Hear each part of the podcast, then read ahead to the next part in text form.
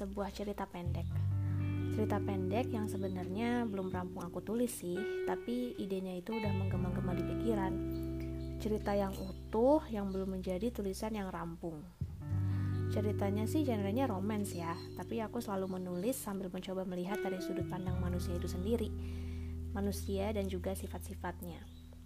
Jadi, aku harap makna dari tulisan ini itu bisa diserap dari segala sisinya, bukan cuma romansanya aja.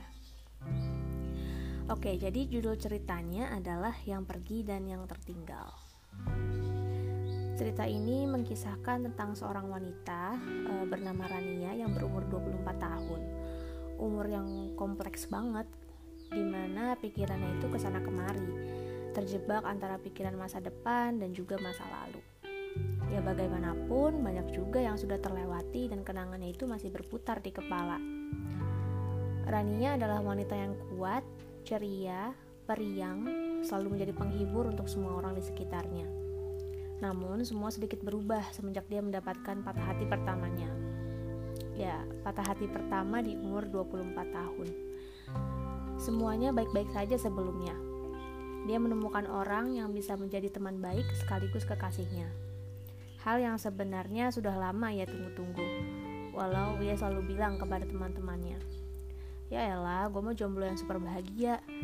Emang kenapa kalau belum pernah jatuh cinta di umur 22 tahun? Tapi nyatanya, ketika seorang pria datang dan menyatakan perasaannya, terlebih lagi langsung mengajaknya menjalani hubungan yang serius, Rania jatuh hati juga dan merasakan kebahagiaan yang berbeda dari sebelumnya. Nyaris setahun menjalani hubungan spesial dengan orang yang bertahun-tahun menjadi teman baiknya, Rania merasakan rasa yang campur aduk. Kadang senang, kadang bingung, kadang ragu, kadang takut. Sifat dari Aldi yang berubah-ubah adalah penyebabnya. Kadang dingin, kadang hangat, kadang cuek, kadang perhatian, kadang seperti kekasih, kadang seperti orang asing. Aneh, Rania sering bertanya-tanya sendiri dalam hati. Jatuh cinta tuh emang serumit ini ya? Bulan ke-10, Aldi tiba-tiba berkata pada Rania untuk tidak bertemu lagi. Dia menjalin hubungan dengan wanita lain. Singkatnya begitu. Entah sejak kapan. Butuh banyak kekuatan untuk berdiri di hari dia mendengar hal tersebut. Kakinya goyah, harapannya juga runtuh. Pertanyaan demi pertanyaan muncul di benak Rania, tapi tak satu pun berhasil ia ungkapkan. Ia mencoba pasrah. Ya lagi pula, buat apa berusaha mempertahankan hal yang sudah mati? Bahkan mungkin sudah lama matinya. Rania jadi tersadar, ternyata dia selama ini sibuk berusaha menjadi pemeran utama di kehidupan Aldi. Padahal tidak pernah terasa seperti itu. Tak bisa dipungkiri, Rania merasa dihianati. Ya bagaimanapun, hal ini bukanlah cara yang baik untuk mengakhiri sebuah hubungan spesial yang dimulai dari persahabatan. Mereka pernah bersama, pernah saling bercerita, tapi bagaimana bisa Aldi meninggalkan Rania begitu saja, seakan-akan Rania tidak berarti sama sekali dalam hidupnya. Bagaimana bisa semudah itu? Bahkan meskipun ada kata maaf di dalamnya, Rania merasa Aldi tidak benar-benar merasa yang dilakukannya adalah hal yang salah. He doesn't feel sorry and she feels that. Semenjak itu, Rania menjadi pribadi yang sedikit berbeda. Sebelumnya, ngobrol dengan orang, bercanda tawa di keramaian, itu adalah hal yang menyenangkan baginya. Sekarang, rasanya setiap selesai kegiatan, ia hanya ingin berdiam diri di kamarnya mendengarkan lagu-lagu galau yang bisa memicu tangisnya agar keluar lebih keras, membuatnya lebih lega. Aldi tidak pernah tahu seberapa banyak Rania menangis pada hari itu. Hari berikutnya dan juga hari-hari berikutnya lagi. Dia tidak pernah tahu dan mungkin tidak mau tahu. Semua kegiatan Rania menjadi belenggu bagi dirinya sendiri. Karena dari kegiatan-kegiatan tersebut, banyak hal yang mengingatkannya pada Aldi dia merasa terjebak. Beberapa bulan berlalu, Rania mulai bisa mengontrol dirinya kembali. Thanks to berbagai kesibukan dan juga masalah di pekerjaannya. Rania mulai terdistraksi. Ya tidak apa meski hanya terdistraksi. pada akhirnya mungkin akan benar-benar menerima dan melepaskan dengan sebenar-sebenarnya. Ya meskipun kadang kesedihan itu datang lagi. Bagaimanapun, healing is the up and down journey. Kita bisa merasa kita sudah sembuh, namun beberapa jam, hari, minggu, atau mungkin bulan kemudian sakitnya terasa lagi. Dan ya itu wajar, normal-normal aja. Rania hanya berharap Aldi tidak menikah lebih dulu daripada dirinya.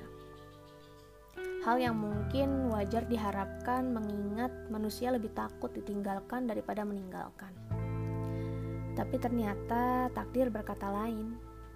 Dalam hitungan bulan, Aldi mulai mendeklarasikan dirinya yang akan menikah dengan wanita barunya.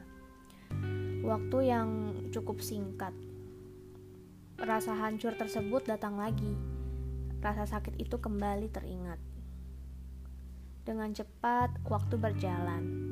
Tinggal hitungan hari lagi Aldi menikah. Rania mulai mengumpulkan semua energinya untuk mencoba ikhlas. Ya, mau bagaimana lagi? Takdirnya harus begini. Dari berdoa agar dia menikah duluan, sekarang Rania mengubah doanya supaya diberi kekuatan dan keikhlasan untuk menghadapi dan menjalaninya and somehow doanya terkabul. Setelah Aldi menikah, perasaannya lebih enteng dari yang ia kira. Dia lebih mudah untuk ikhlas dan melepaskan. Ya, mungkin semua perasaan sedih dan tidak ikhlasnya itu jatuh berguguran bersama harapan-harapan yang sebelumnya masih ada untuk kembali bersama Aldi. Sekarang, dengan Aldi yang sudah menikah, itu juga mengakhiri semua harapan Rania. Setelah menutup buku tentang Aldi dengan penuh kerelaan, Rania kembali mengurus dirinya. Segala hal yang sempat ia tinggalkan dan lupakan, semua teman yang tidak ia beri perhatian seperti sebelumnya, hal-hal yang sempat berantakan di pikirannya, ia tata ulang kembali. Seperti memulai kehidupan yang baru, dengan pribadi yang lebih kuat dan bertumbuh. Rania sadar, ia telah melewatkan banyak hal untuk disyukuri dan dipelihara demi hal yang sebenarnya sudah mati. Ya tapi tidak apa-apa. Kesedihan dan kesuraman hidupnya pada saat itu ada untuk ia belajar. Dia tidak menyesali masa terpuruknya sama sekali. Manusia tetaplah manusia, sedih tetaplah sedih. Begitu benar-benar ikhlas, kita baru bisa menyadari bahwa sesedih apa pun itu, ya nanti juga pasti terlewati juga. Rania belajar untuk mencintai dirinya sendiri. Setelah banyaknya hal yang ia lalui, ia hanya menyalahkan dirinya sendiri dan itu sangat memuakkan. Dan ia percaya mencintai diri sendiri adalah langkah awal untuk menuju kebahagiaan yang utuh. Ya karena kalau kita nggak bisa buat diri sendiri bahagia, siapa lagi yang bisa? Rania adalah tokoh utama dalam kehidupannya sendiri, bukan dalam kehidupan Aldi. Dan itu nggak apa-apa jadi, ketika hal hancur, biarkan hancur. Ketika sebuah hal patah, biarkan patah. Karena bagaimanapun, sesakit apa pun rasanya pada saat itu bagi yang tertinggal, nantinya kita pasti akan melewatinya dan melupakan rasa sakitnya. Kenangannya mungkin ya susah lupanya atau mungkin tidak pernah lupa, tapi rasa yang diingat ketika membayangkan lagi kenangan itu bakalan berbeda. Lagi pula, apa gunanya mempertahankan hal yang sudah mati? Padahal semua hal berganti, perasaan juga berganti. Rasa sakit juga akan terselesaikan dengan sendirinya pada suatu saat nanti. Jadi, buat apa memperpanjang prosesnya?